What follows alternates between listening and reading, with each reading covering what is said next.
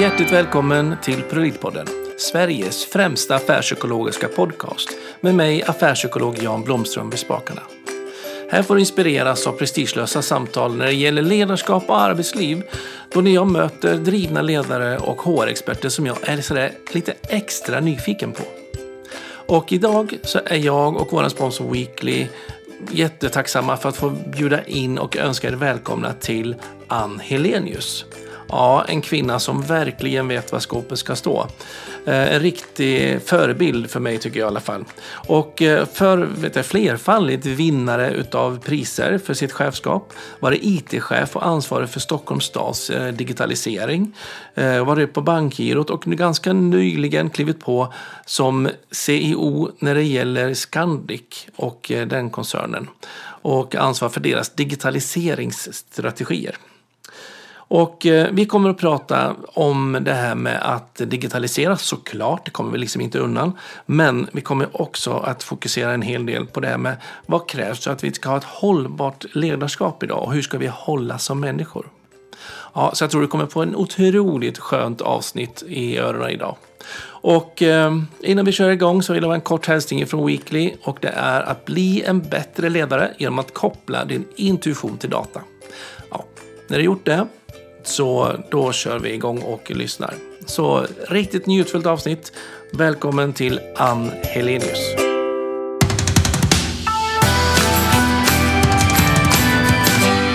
Hej och hjärtligt välkommen till Prolidpodden säger jag till Ann Helenius. Tack så mycket. Så spännande att få ha dig som gäst i min podd. Vi träffades ju för ett, några månader sedan, eller vi träffades och träffades. Jag lyssnade på dig när du var på scenen under HR-galans eh, middag där på kvällen. Just det, det stämmer bra det. Och jag tänkte bara, hon måste jag ju få prata lite mer med. Alltså nu sitter vi här, det känns jättekul. Vad härligt, tack så mycket. Och du är ju prisbelönt och nominerad hur många gånger som helst. Och du har haft hur mycket roliga spännande jobb som helst. Jag tycker det verkar jättespännande. Nu för tiden så har jag förstått att du är ganska färsk på din nya position som CEO på Scandic. Och ansvarar mm. för de stora innovationerna när det gäller digitalisering kanske. Kan inte du berätta lite mer? Vem har vi som gäst? jo, jag berättar gärna. Jo, men det stämmer att jag har eh, nyligen börjat mitt nya jobb. Jag är då CIO och CDO, det vill säga att jag är ansvarig för IT och digitalisering och den digitala kundresan för Scandic. Ja. Eh, och jag eh, ja, jag har gått in i koncernledningen där så att jag sitter på gruppen ja. och eh, börjar jobba med, med detta. Och jag är precis i en fas när jag har, jag har börjat att lära känna organisationen och titta på vad vi gör bra och vad vi kan göra bättre och börja dra upp de här planen tillsammans med min organisation. Ja. Så det är fantastiskt roligt. En ny bransch för mig.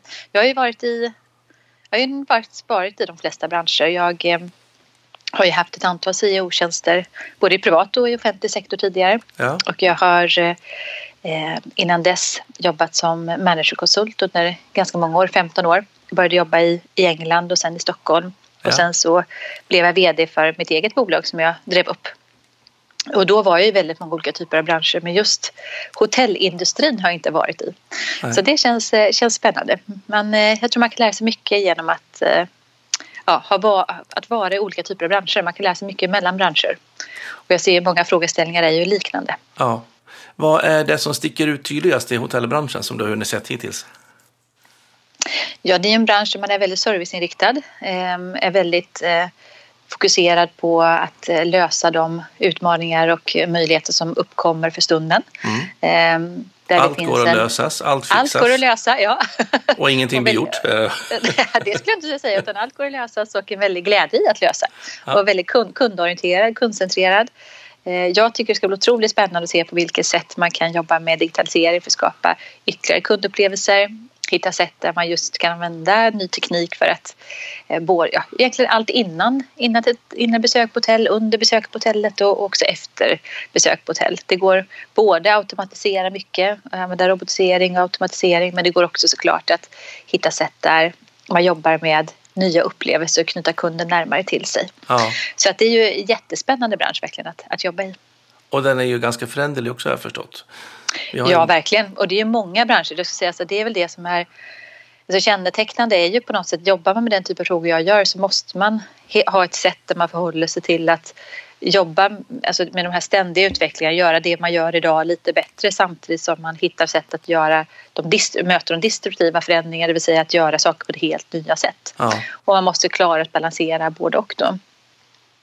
Så det är, och så är det i alla branscher. Det finns ju det ingen bransch som står stilla utan det sker ju disruptiva förändringar i, i alla branscher helt ja, enkelt. Och digitalisering är ju det man pratar nästan allra, allra mest om idag. Ja, ja och nej skulle jag säga. Ehm, det, det är, det finns ju en hel del modord kopplat till det där också med, ja. med vad egentligen digitalisering är. Jag brukar tänka att alltså, utveckling av företag och utveckling av vårt samhälle eh, med hjälp av ny teknik, det har ju skett i alla tider. Mm. Det är bara det att det går väldigt mycket snabbare nu. Eh, och det är mycket beroende på att mängden data ökar i världen. Mm. Och eh, i och med det så måste man hitta sätt att kunna använda den här datan för att skapa värde. Just det. Så att det är ju det är inte något nytt på något sätt men däremot så behöver man ju öka kunskapen av hur man kan använda just ny teknik för att skapa värde för kund och utveckla bolagen. Ja. Är, är folk beredda på det här tycker du? Tänker du de tekniska ja. framstegen? Eller? Och, och gör de här greppen som behövs för att kunna hantera så pass mycket mer data. Mm. För er som lyssnar du kan bara berätta att vi gör en liten kort förflyttning så att de undrar vad som låter. ja, nej, men jag skulle säga ja och nej. Eh, jag sitter också med, har förmånen att sitta med i några styrelser eh, och tittar utifrån eh, ja, tittar man utifrån styrelseperspektiv och också utifrån hur ledningsgrupper agerar kopplat till IT och digitala möjligheter så skulle jag vilja säga att den tekniska utvecklingen har kommit så otroligt långt. Mm. Så det är, inte, det är inte det som är det svåra utan det är snarare att företag och organisationers förmåga att använda tekniken för att skapa nytta, skapa kundvärde och, och skapa effektiviseringar, eh, automatiseringar. Där finns ett väldigt stort gap. Så att tekniken är inte svår utan det, det, handlar alltid om hur kan man göra de här förflyttningarna för, för företagen. Och det är samma i både offentlig och privat sektor. Och då kommer man ju snarare in på frågor kring hur driver man förändring? Hur ja. gör man det på ett hållbart sätt? Så att Just. man får med sig människor, så man får människor att växa.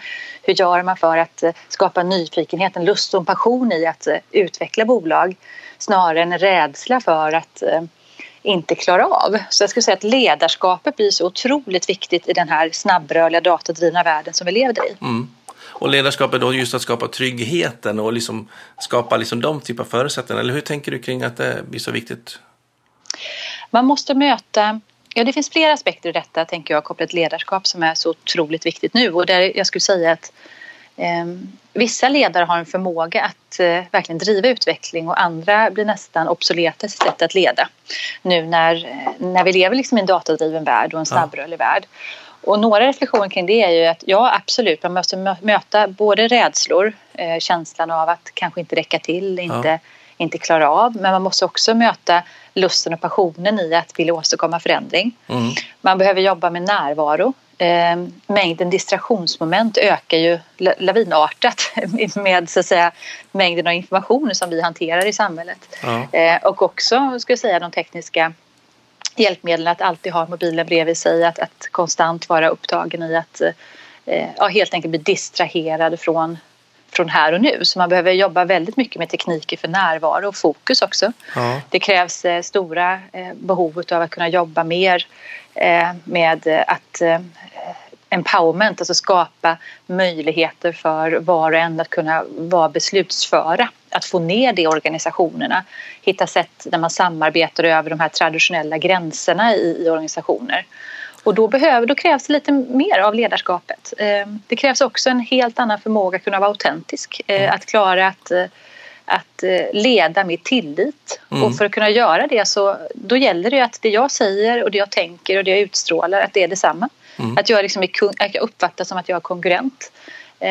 Min, min erfarenhet är att människor köper inte längre ledare som inte uppfattas som autentiska. Nej, man måste vara hemskt många... äkta liksom på alla möjliga ja, man sätt. måste vara äkta och där är det ju och det krävs en hel del självrannsakan och självinsikt för att verkligen klara det. Mm. Men det skulle också säga en stor förändring jämfört med, med tidigare.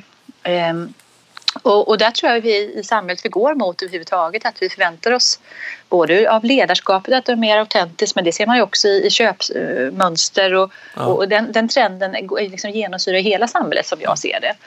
Eh, och då går det inte att styra med makt, det går inte att styra med informationsövertag, det går inte att styra med de här typerna av mekanismer som tidigare gått. Utan det handlar väldigt mycket mer om att alltså styra med tillit, mm. Eh, att både möta och föda passionen för det man ska åstadkomma men också klara att adressera rädslor.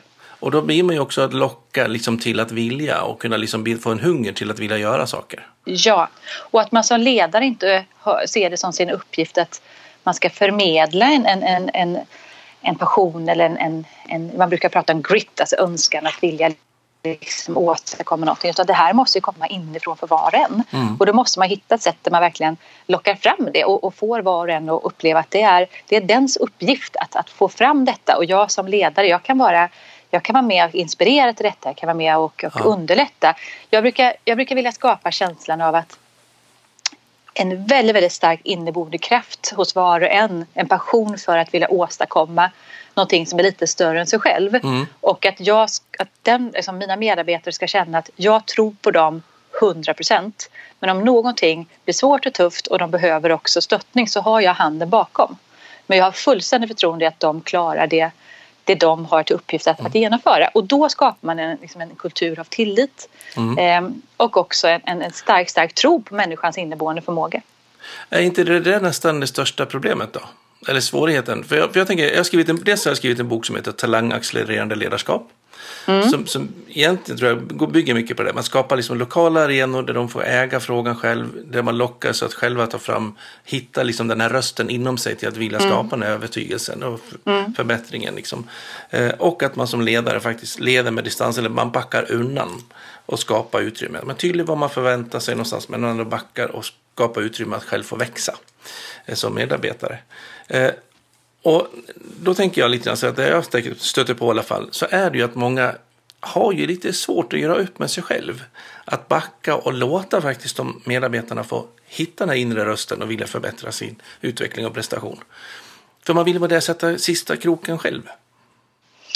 Det är möjligt. Jag har inte upplevt just det. Men det är kanske beroende på att jag inte alls är, är på det sättet själv. Utan jag upplever snarare att att ja, jag håller helt med. Det i, liksom, I en utopisk värld så vore det precis så man skulle kunna leda och styra hela tiden. Ja. Eh, men eftersom man har beroenden av av andra delar i en organisation, andra avdelningar. Man, man agerar i ett ekosystem där man har, har väldigt många olika typer av partnerrelationer både inom ja. eh, företaget men också omkring.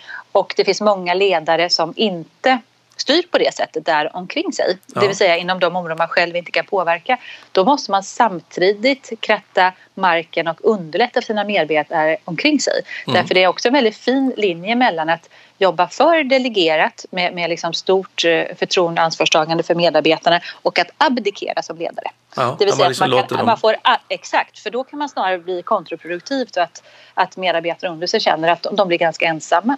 Ja. Eh, så, att, så att tillit för mig handlar snarare om att både ge väldigt mycket stort förtroende och det handlar ju framförallt att sända ut signalen att jag, jag litar på dig. Jag, jag tror på riktigt att du kommer klara. Mm. Men, jag, men vad jag menar med den här handen bakom ryggen och säga blir någonting tufft så står jag upp för dig. Ja. För det är lika viktigt. För det handlar ju också, ska man klara framdrift, ska man klara att driva utveckling i bolag så måste man också konstant kunna parera i den här liksom förändrade omgivningen man har omkring sig. Andra personer som drivs av en annan kanske ledarskapsstil och som, som gör att det är tufft att komma framåt helt enkelt. Ja. Och då måste man som chef också kunna liksom med tydlighet hjälpa till att, att eh, plöja vägen för sina medarbetare. Mm. Och, och plöjer man vägen, låter dem ha, alltså visa tilliten, låter dem få ansvar för sina frågor. Om man egentligen mm. inte bryr sig sen om det, om det går bra eller om det inte går bra. Då mm. har man ju, det är då jag upplever att man har abdikerat. För då ja, är det, det, får ni, det får ni sköta och sen så, ja. jag har så mycket annat, jag har annat viktigare saker att göra eller vad det nu är för ja. någonting det är ju egentligen en icke-ledarskap i min värld. Ja men, ja, men det är det. Det är det verkligen. Jag, eh, och jag tycker de här frågorna är så otroligt viktiga att fundera på och reflektera över. Jag håller, också, jag håller på att skriva en bok också, på tal om mm. böcker. Mm. Ja. Och den, bok, den boken handlar om alltså, vilka uråldriga ledarskapsprinciper blir bara viktigare nu. Mm. Ehm, de, många av de mellanmänskliga nu liksom den här snabbrörliga världen vi lever i.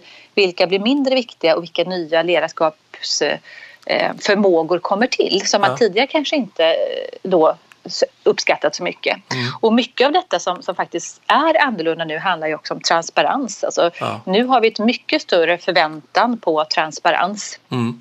Eh, att eh, ja, det handlar inte bara om liksom beslutsmandat utan det handlar ju väldigt mycket om att som ledare idag i en del i det autentiska som jag ser det eh, handlar mycket om att, att kunna vara transparent mycket högre grad ja. än vad man kanske tidigare varit. För att medarbetare köper inte att inte förstå mycket mer av hela bilden. Eh, och det tror jag också är väldigt viktigt framåt. Men också sådana saker som att hitta sätt att tänka nytt kring att vara coachande som ledare. Mm. Eh, jag tror många som gått på kurser i hur de ska agera för att vara en coachande ledare. Men vi sitter ju liksom i en annan situation nu. nu alltså 20 procent av Sveriges befolkning tillhör gigekonomin när man går in och tar gig. Ja. Eh, hur coachar man då giggare? Ja. Hur ser man till att kunna coacha många samtidigt? Hur kan man coacha på distans? Hur kan man coacha både digitalt och fysiskt? Ja. Vi såg så, den typen av frågeställningar nu snarare kopplat till ledarskapet som inte alls var och hur kan man skapa en miljö liksom, där, där de vill att jag ska coacha dem? Att det är liksom ja. okej? Okay. Att de Absolut. tar emot min coachning? Ja, när de lika gärna kunna gå någon annanstans. Ja, ja, ja, men så är det ju. Ja. Som ledare handlar ju väldigt mycket om att inse att eh, ingen följer en för den behöver göra det utan de följer en för de vill. Ja. Det är ett förtroende. Ja, det är vansinnigt spännande alltså. Mm. Och jag tänker jag... också det med att man, ju, ju mer verktyg som, som, och ju mer eh, förutsättningar medarbetarna har att bearbeta data och kunna fatta egna mm. beslut så, så mm. blir vi ju också avklädda som ledare i många av de traditionella rollerna. Att där måste vi hitta andra som bygger på de här ja, lusten och så som vi pratar om. Eh. Ja, jag tror det ligger mycket i det och också det här som vi pratar om, det autentiska. För det är ju på något sätt så hur bra vi än är att gemensamt ta fram strategier och planer och visioner och allt vad det må vara så i grund och botten vi människor har egentligen väldigt enkla drivkrafter. Det är ingen som följer det finns ingen människa som följer en powerpoint, följer en strategi. En människor följer människor ja. och, och, det bottnar ner till slut. Litar vi på den här personen eller gör vi det inte?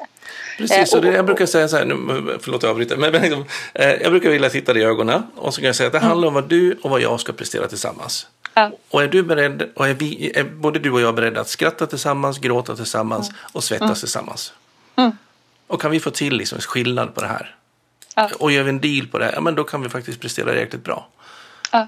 Men, men, och, då är det ganska ointressant vilken modell eller vilken steg på coachmodellen vi är ja. på eller allt vad det kan vara. Och där man kan sitta och tjafsa sig blå i ledningsgrupper ibland idag. Jag blir bara uppgiven ibland. Ja, det får du inte bli. Nej, men det är bara korta stunder. Tillförsikt.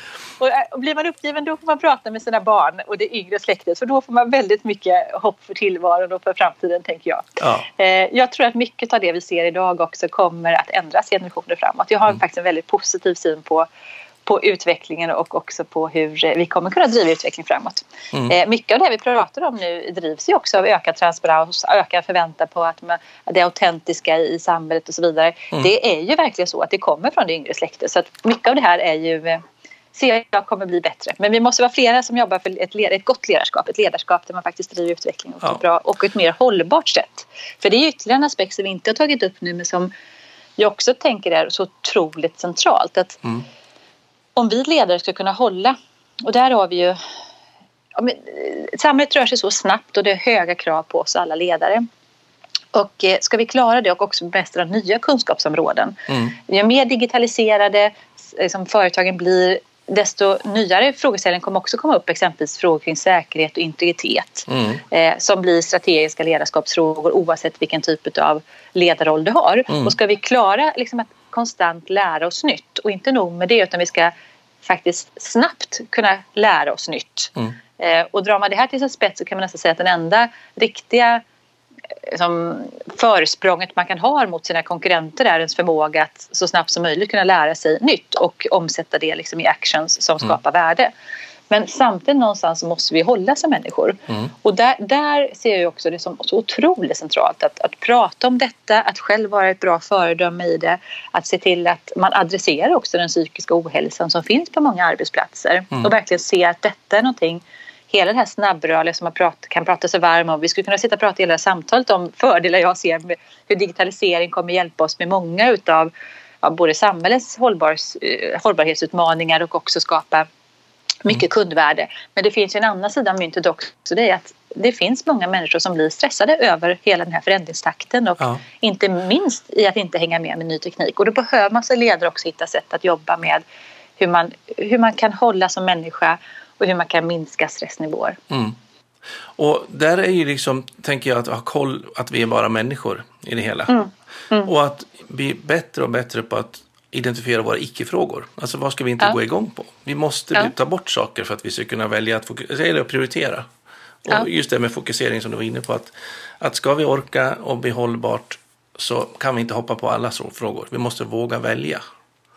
Jag tror väldigt mycket på det. Jag tror också att vad jag brukar tänka på själv och också prata med mina medarbetare om det är att jag, jag, jag försöker se till att jag har lika starka strategier för att lyckas, alltså för prestation, som jag har för återhämtning. Mm. Och om man på allvar sätter dem som lika viktiga, det vill ja. säga inte att prestation är målet och sen behöver jag fundera på hur jag ska kunna återhämta mig, utan snarare gör dem lika viktiga. Ja.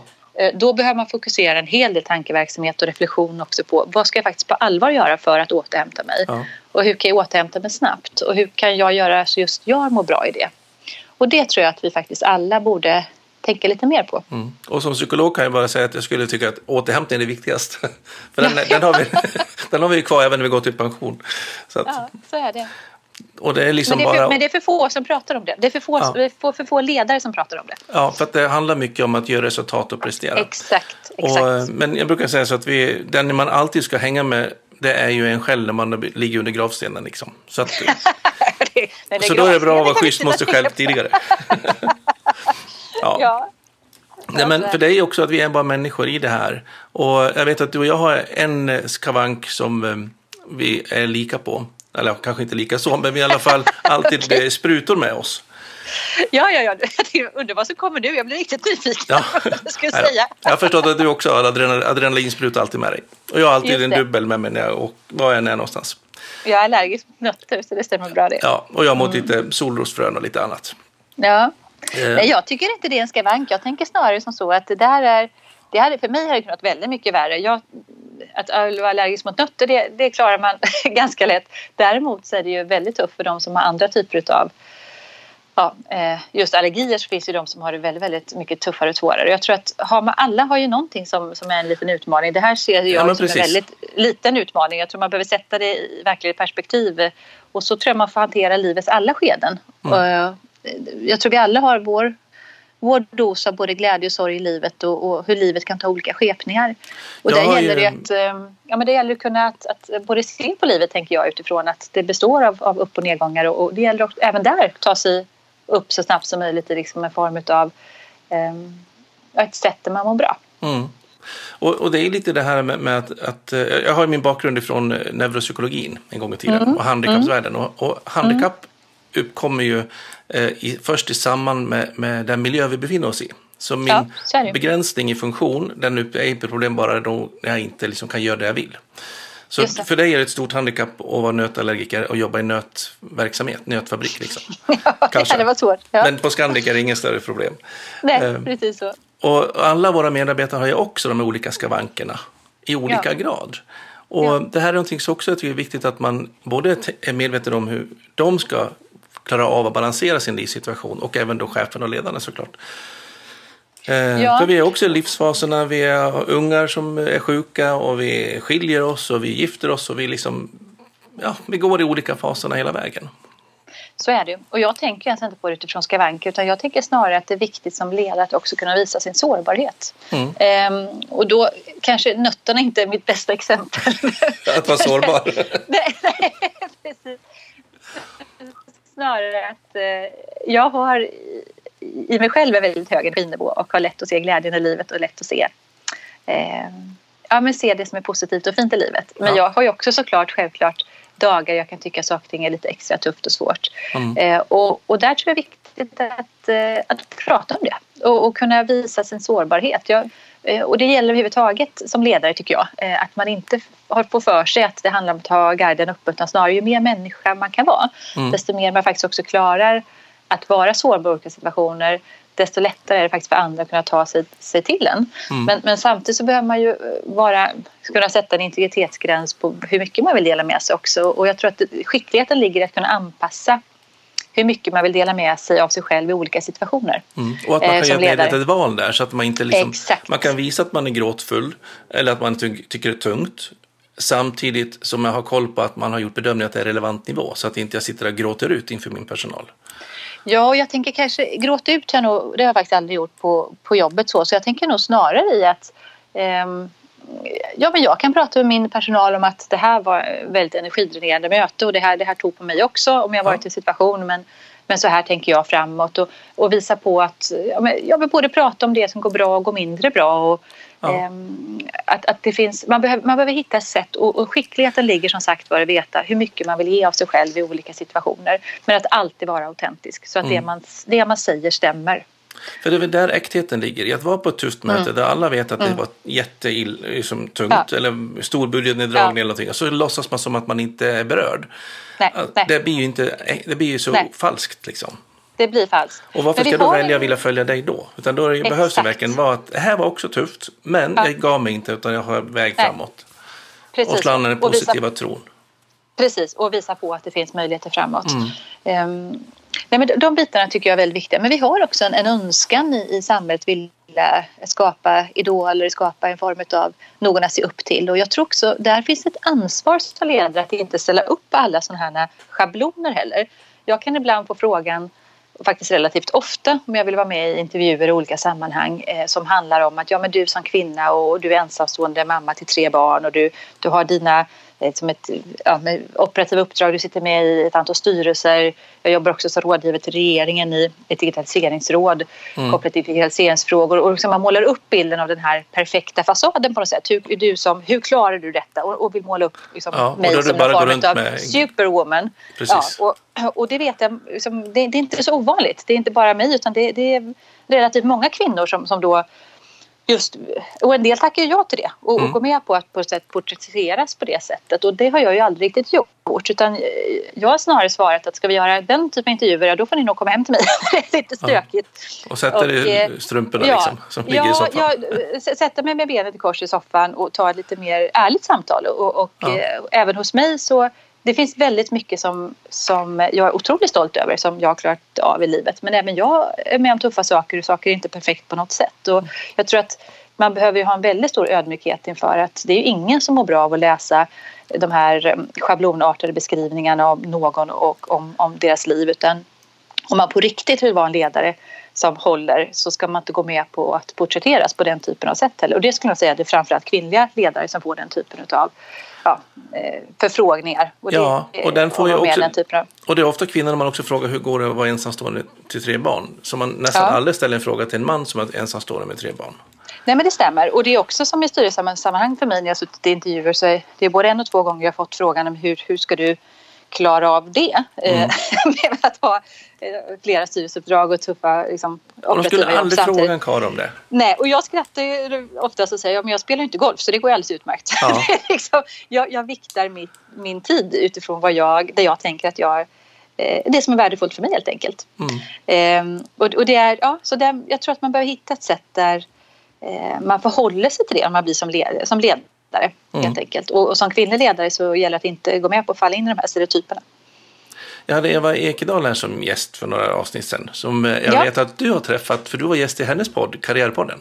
Underbar kvinna. Henne tycker jag fantastiskt mycket om. Mm. Verkligen. Och för er som lyssnar så är det bara att leta reda på avsnittet. Hon är underbar. Och då pratar vi just om det här med liksom hur man kan skapa bättre förutsättningar för kvinnor att bli högre chefer och Alltså vilken utmaning som finns i att liksom göra det. För att de, där attityderna är att man ska förklara sig att man har gjort en avvägning för att kunna tacka ja till ett uppdrag. Alltså det, det är bara så sjukt. ja men det är det. Och jag tänker också att man har ett väldigt stort ansvar. Jag vet när jag, när jag började som jag har jobbat som ledare i 20 år nu ungefär. Och I början jag hade ju inga kvinnliga förebilder. Eh, jag jobbar på konsultbolag och partnergruppen består i stort sett bara män. Eller den mm. bestod nog bara män.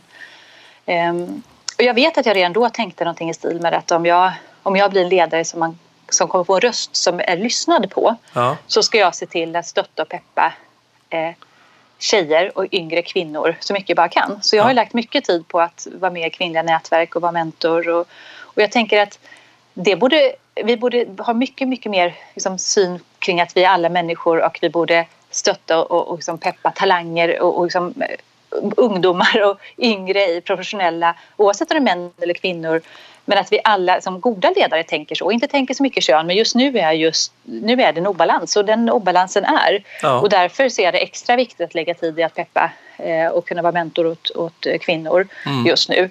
Eh, där hade jag önskat att det var fler män som också engagerar sig därför att det här behövs. Det ska inte bara vara en fråga där kvinnor agerar liksom mentorer åt andra kvinnor utan jag skulle väldigt gärna se att också män Fler män som går in där, ja. Mm. Ja, verkligen. Det är ett jätteviktigt område. Så att, eh, ja, bara all, all cred för det. Eh, är det du, eh, jag tänkte liksom råd och tips till, till andra som jobbar och gör karriär och kämpar och fixar och donar. Eh, För att liksom få det här hållbara, ärliga delarna. Eh, Vi har varit inne på det lite grann och jag som psykolog tänker lite grann att det är mycket där som man kanske behöver den här inre tryggheten. Ja. Att man liksom verkligen bottnar och blir äkta. Veta vem jag är som person. Ja. Eh, vilka val jag gör. Eh, Ja. Och vem jag är som kvinna eller man eller vem jag nu är. Och vilken livssituation jag gör. Att kunna liksom verkligen stå stadigt på kärnisen under mina fötter. Det är liksom nästan det viktigaste för att jag ska kunna vara autentisk, vara ärlig, äkta. Stå där liksom i underkläderna, mer eller mindre, mentalt i alla fall. Eh, Och liksom kunna säga att det här är jag. Varsågod och följ mig. Vi har ett jobb att göra. Och, och där är det ju en, eh, tycker jag, en otrolig um, generationsskifte. För jag tycker att de äldre, så etablerade, de har ju liksom kunnat suttit skyddade i, bakom en titel eller sitt hörnrum eller eh, vad man nu har för någonting, sitt bonussystem. Och man har liksom inte kanske behövt jobba så mycket med den här egna sidan. Man har liksom bränt ett antal äktenskap på vägen och man liksom gjort karriären och man driver på.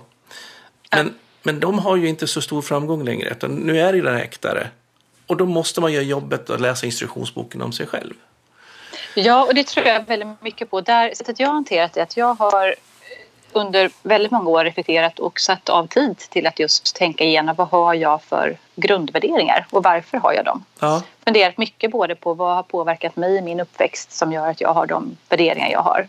Så att jag har, och, jag, och det är också någonting som ändras genom livet såklart, vilka värderingar som är de viktigaste. Jag mediterar varje dag, jag har gjort det under väldigt många års tid. ja, När jag kommer tillbaka in i ett, eh, jag känner mig grundad. Jag gör det varje morgon innan barnen somnar, eller Ja. innan barnen vaknar. ja, Ehm, och, och genom den här reflektionen och också mentala träningen och där jag har ägnat mycket tid till just fundera på värderingar och också om jag lever mina värderingar gör ju att jag har en inre kompass som för mig är väldigt tydlig. ja, Men som ledare räcker det ju inte att bara själv ha landat i vilken, vilka inre värderingar jag har och vad som jag styrs av. Mm. Utan jag måste också ha förmåga att kunna kommunicera det här. ja, Så, så vad jag gör på varje gång jag har fått ett nytt chefsjobb, jag gjorde det på Scandic nu också när jag precis började här nyligen, det är att jag, jag går igenom vad jag kallar för mitt power statement. Ja. Och det är direkt när jag är ny som chef, då går jag igenom med hela gruppen att det här är jag, det här står jag för, det här är mina värderingar, det här är viktigt för mig på grund av och så går jag igenom vad det är. mm, Och det har jag eh, gjort nu de senaste fyra jobben jag haft. Ehm, Och jag har också sparat och tänkt igenom, stämmer det här? Verkligen rannsakat mig själv då inför eh, liksom, löpande. Är det de här värderingarna som är mina viktigaste? Med tanke på att det också kan ändras genom tid. Men det och, gör att ju också det, och att det är dina så att du inte har plockat några snygga ord ifrån någon annan. Liksom. Nej, det är precis tvärtom. Utan det handlar väldigt mycket mer om att gå tillbaka, liksom, väldigt grundat i min uppväxt. Vad är det som har påverkat mig egentligen? Ja. Och vad har format mig som människa? Ehm, så jag börjar helt inifrån Ja. när jag liksom har, har tänkt kring detta och också lägger väldigt mycket tid på reflektion kring det här. Ja. Och det är mitt sätt och vad jag märkt är att när jag, när jag pratar om det på det sättet, beskriver mig själv på det sättet, inte beskriver mig med några tjusiga titlar och, och, och ja, fina liksom, utmärkelser eller allt vad det må vara, utan väldigt mycket mer. Det här är Ann och det här står jag för. Så skapar det på en gång en, en trygghet i gruppen. Eh, våran faser för att komma in liksom i att lära känna varandra går väldigt mycket snabbare. Och, Ja. eh, och det skapar också stabilitet. Mm. Ehm, och och det, det har jag sett som väldigt viktigt och det kommer jag fortsätta med. Jag tror nyckeln är att eh, ha reflekterat kring vad man har för värderingar men också sen se det som någonting man inte blir klar med utan konstant reflektera av och avsätta just tid för reflektion Ja. eh, i vardagen. Eh, för att konstant kunna känna sig liksom grundad i sig själv. Mm. Det som, jag har ju mycket ledarstöd när jag träffar chefer och, och så. Och det är ju en av de stora temana som vi ber att jobba med. Mm. Eh, Så jag håller ju absolut med. Och det bästa verktyget jag brukar tipsa om det är tom glo. Ja. Att stanna upp och, och tomglo. Ja, det kan betyda lite olika för folk. Men, ja. men just det här med att faktiskt stanna upp och faktiskt bara vara i, i meditation eller att man går sin promenad eller tar ett bubbelbad mm. eller vad man nu gillar för att mm. göra för någonting. Mm. Men att mm. stanna upp, inte prestera och sen låta liksom associationerna komma fara och gå. För ja. att skapa en djupare förankring av sina insikter. Just det. Och det, det kan man alltid göra. Det kan man göra. Och det där är nytt. För det första är det väldigt individuellt vad som får en att slappna av och också ja. komma i ett tillstånd där man har förmåga att reflektera mer. Så det låter ju väldigt klokt. Men det handlar ju också som jag ser det om att vi lever ju som, som vi pratade om tidigare, ett, liksom ett informationstsunami. 90 procent av världens information skapades de senaste två åren. Mm. Och jag upplever att det är väldigt många människor som liksom matas med information konstant. Och det är både i privata sättet vi lever och tar till oss information via sociala medier på alla sätt, men också på arbetsplatser. Mm. Men det viktigas inte upp av tid för reflektion. Eh, och ska man på riktigt kunna omsätta all information och kunskap och insikter i faktiskt några, några liksom, aktiviteter och handlingar som leder till effekter mm. och som skapar värde, då måste man ha tid att processa informationen. Mm. Och det här är ju nyckeln. Det är ju, du, du beskriver det med liksom lite andra ord, mm. men ur ett ledarskapsperspektiv så, så tycker jag att det är så otroligt centralt precis som det är centralt som, som du är inne på för att hålla som människa. Ja.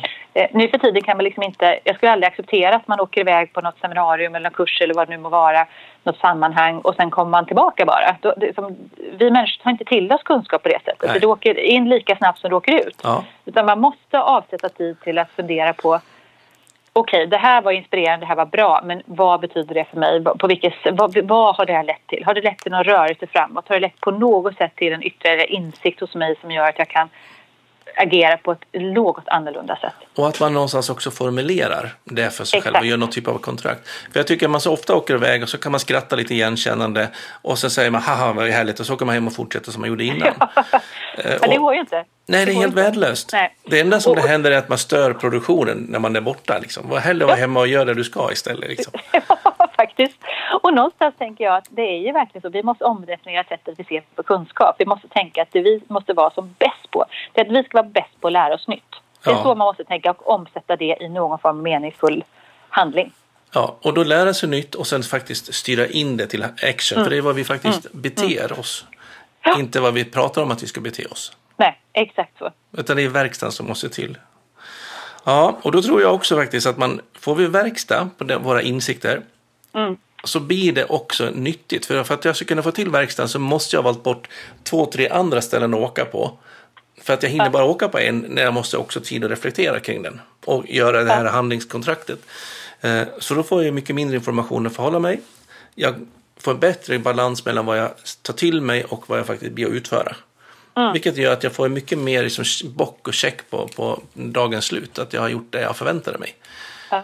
Och då får man också en rimlighet mellan vad jag presterar och vad jag vill att göra. Och förhåll, den inblicken jag fick, eller inputen. Håller helt med dig. Och där kan jag uppleva att det finns tyvärr för många som planerar sig själv till stress. Mm. Det vill säga att bokar upp sig så otroligt mycket i Outlook och i, i eller den det systemet man har för sin mm. kalenderbokning eh, så att det inte finns tid för reflektion. Ja. Eh, och det gör att man sen är konstant stressad. Jag brukar skratta lite med mina medarbetare och säga att ja, men varför bokar ni upp en timme? Det för det är det enklaste sättet att boka i, i Outlook ja. av rent slentrian. När det kanske inte alls, eh, det ledde egentligen på veckobasis och månadsbasis att man har skapat en väldigt stor stress. Mm. Istället för att konstant anpassa och fundera, behöver vi ha det här mötet fysiskt? Kan man göra det på ett annat sätt? Så jag har mycket hellre väldigt korta möten, ståmöten men sen har vissa möten som kan ta en hel dag som är snarare reflektion, planering, strategidag ja. där man har konstruktiva dialoger som är väl förberedda. Men slentrianmässigt att sitta timme för timme på timme i möten det mm. tror jag är väldigt icke-produktivt. Ja, och det reagerar man kroppen också med, med blodtryck och andra saker. Ja. Ehm, och varje möte har ju sitt syfte. Men så sitter man i en timmes möte så nog fyller man en timme. Ja, ja, ja. Det, så, så det gör vi alla. Eh, jag brukar, jag brukar ofta prata om tidsbudget. Just att kunna ja. synliggöra de här bitarna med hur mycket tid vi sitter av på möten. Mm, mm, eh, mm. Och har man då, är man en grupp på sex personer som ska sitta en timme, men då är det sex timmar vi sitter i arbetstid. Just det. Eh, och då kan man fundera på hur, hur många minuter eller lång tid får vi, har vi råd att investera i den här frågan? Ja. Exakt. Är det tre timmar, eller ja, men då är det sex stycken som sitter en halvtimme. Eller kan ja. två personer sitta tre, tre timmar? Det är klokt. Jag håller helt med dig. Det är så man måste tänka. Och sen så Ja. behöver man ju fundera på hur mycket behöver man eh, av sin tid. Hur, vad är värdegenererande när det gäller att sitta tillsammans? Mm. Och där tror jag många skulle behöva skala upp sin tid snarare till mer att producera saker och ting, hitta sätt där eh, man själv reflekterar också innan möten. Ja. Jag upplever att alldeles för många möten handlar om att sitta fysiskt tillsammans men som är ganska eh, tankemässigt icke förberedda. Mm. Det hör man ju jätteofta. Och det måste man komma ifrån. Eh, Du sa tidigare att du har eh, mycket inre energi och, och Ja. driv. Eh, Ja. Och sen så samtidigt så yogar du och, och kör lite avslappningar och mycket reflektioner. Mm. Man ska inte fylla almanackan för mycket. Nej. Hur, vad får du för responser kring det? För jag tänker ju liksom så här att med mycket driv så är det mycket lättare kanske att man fyller på mycket mer och att man förväntas fylla på mycket mer. Får du mothugg kring det eller hur balanserar du det här och vad får du för respons runt? Nej, men jag har ju, jag ska inte skönmåla detta på något sätt för jag har ju en konstant, en vecka för mig är ju en väldigt intensiv vecka och det är ju alla veckor.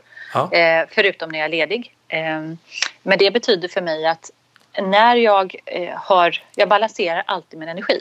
Så jag blir aldrig för energidränerad vilket innebär att jag för att få hela min tillvaro att gå ihop som innebär både operativa möten, att vara på med de här styrelserna jag är med i, eh, ha tid där jag också spenderar liksom, middag tillsammans med mina barn så betyder det att jag också lägger in hål just för reflektion för att få allt det här att gå ihop. Men Ja. det betyder också att det är väldigt högt tempo när jag inte har tiden för, för liksom reflektion. Så att jag har ju hittat ett sätt där som, som fungerar för mig. Men det behöver man ju också ha. Vi har alla olika kapacitet, vi har olika förmåga, vi har olika förmåga att snabbt återhämta oss. Och det är någonting man också måste lära sig. Ja, det är det är ju tänker. övningsbart precis som för alla andra. Jag kan säga min meditation exempelvis på morgonen. Det för början, jag började lyssna på de här gamla banden för, kring meditation. För, På för kassettbandstiden. herrans år sedan. Ja, ja, ja, för massor herrans år sedan. Jag kan säga att komma ner i det tillstånd jag nu kommer ner i. Det från början tog det kanske en och en halv timme. Och nu kommer jag ner i det på en kvart. Ja. Så någonstans så är det väldigt hoppfullt tycker jag att det mesta är ju övningsbart i livet. Och Ja. så är prestation. Eh, Att, att jag kan ligga på väldigt hög prestationsnivå beroende på att jag också har förmåga att för det första veta vad jag mår bra av och Ja. veta vad som får mig energipåfylld. Ja. Men också veta vad som får mig att gå ner i varv. Och där kan jag komma ganska snabbt. Och veta att man är på rätt plats, Ja, gör rätt saker Ja. och att man tränar på de saker som är mest relevanta. ja verkligen så. Och jag Eh, tänker och också det... det, det Eh, handlar mycket om att liksom få till effektivitet i sitt eget arbetssätt och också Ja. för dem omkring sig rent jobbmässigt. Och sen kopplat till hur jag, mår, hur jag själv mår som människa så handlar det också om att jag i grund och botten har väldigt stark glädje i livet. Jag vet vad jag ska fylla på för att känna mig lycklig Ja. inombords. Eh, och då, det är också ett sätt att, att ligga på hög energinivå. Och det här tänker jag lite med andra möten som har mycket hög energinivå så, så brukar man få dåligt respons nästan från omgivningen ibland beroende på vilka miljöer man är i såklart. Eh, Men liksom, har man så mycket energi, ja, men då tror man inte på att man faktiskt kan ta det lite lugnt. Därför att man ser kanske bara i de höga prestationsstunderna. Men just det med att gasa och bromsa tycker jag är så himla härligt. Att verkligen ge full 200 gas liksom när, det behö- när man vill det. Och man får också energi av det om man är på Ja. rätt ställe. Plus att man då verkligen går in i djupet och, slappnar av aktivt Ja. och inte bara sitter och käkar chips och ser på en deckasoppa, Nej. eller någon soppaserie. Nej, det sker inte i mitt liv. Så att man gör de här medvetna valen tycker jag är så himla Ja. coolt. Och, och sen också att man då faktiskt slutar och jämföra sig med alla andra. Utan man måste gå in och hitta sin egen röst, säger då psykologen i mig. Jo men så är det och jag, jag har inte ett uns om att jämföra mig med någon annan utan jag har snarare, och det har jag faktiskt inte haft när jag var yngre heller. Eh, Jag tror att där har jag så stor kraft, jag tror på liksom att vi alla har både så olika förutsättningar och olika möjligheter men det jag, det jag tror och jag är tämligen övertygad om det är att vi alla har en väldigt stark inneboende kraft. Mm. Och det gäller att plocka fram det liksom bästa ur sig själv. Mm. Och då gäller det också att omge sig av människor som som på riktigt älskar en och som på riktigt visar sin kärlek till en i, i ens privata liv. Mm. Och där har jag förmånen att ha så fantastiskt mycket kärlek omkring mig med mina, mina barn och, och nära vänner. Så att jag känner mig väldigt påfylld när det gäller det. Mm. Eh, och när det gäller i arbetslivet så gäller det också att, att omge sig av människor man litar på och som man får energi av. Och, och då tror jag att, ja, jag uppfattas som jag har hög energinivå på jobbet men jag uppfattas också som att jag kan vara sårbar och att jag eh, eh, vissa stunder kan vara trött och jag kan säga när jag är trött. Det är inte det vanliga men, men känner jag med det så, så skulle jag inte ha några problem att prata om det. Så jag har aldrig gått in för att liksom framställa mig själv som en form av supermänniska på jobbet heller. Och jag tror just det här mänskliga an är en av nycklarna till att jag också får med mig människor. Mm. Att de, människor känner sig oftast trygga tillsammans med mig. Mm. Och, då, och, och då ser man det snarare som inspirerande, och roligt och härligt. För jag brukar prata om excellens utifrån sina förutsättningar. Ja. Och det är det, det är det jag tycker man ska Ja. tänka kring. Att vi har alla olika som förutsättningar som också påverkas väldigt mycket av, eh, ja, men av den miljön man är i. Ja, Eh, Men, men, men det mesta är liksom övningsbart i livet. Och kan man tänka konstant att man ska vara, liksom sträva efter excellens utifrån de förutsättningar man själv har för stunden. Mm.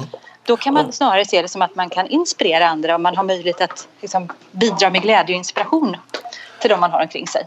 Och vad som är excellens just i din, din situation eller min situation eller var och en situation. Exakt. För, Exakt. För det är liksom att verkligen bottna i sig själv. Och det är egentligen det som Ja. jag upplever är nyckeln i det vi pratar om. Är att våga gå in i sig själv och bottna i vad jag som står för. Och att man inte behöver skämmas för den man är. Vare sig man har hög energi eller låg energi. Eller vad man nu står för. Att man bottnar i det och söka sig kring att vara miljöer där, där man får prestera bra. Just det. Just det. Eh, och inte sätta på sig en ofterkofta. Försöka ta sig därifrån. Lättare sagt än gjort för kanske för vissa, men, ändå en viktig eftersträvansvärd del. Um, hörru du, jättespännande. Både att vi börjar prata om eh, digitalisering och att vi landar i att vi faktiskt är bara människor och vi ska hålla under lång tid. Både som privat och i vår yrkesprofession. Och inte skämmas för den vi är. Härligt. Tack för ett fint samtal. Detsamma, tusen tusen tack.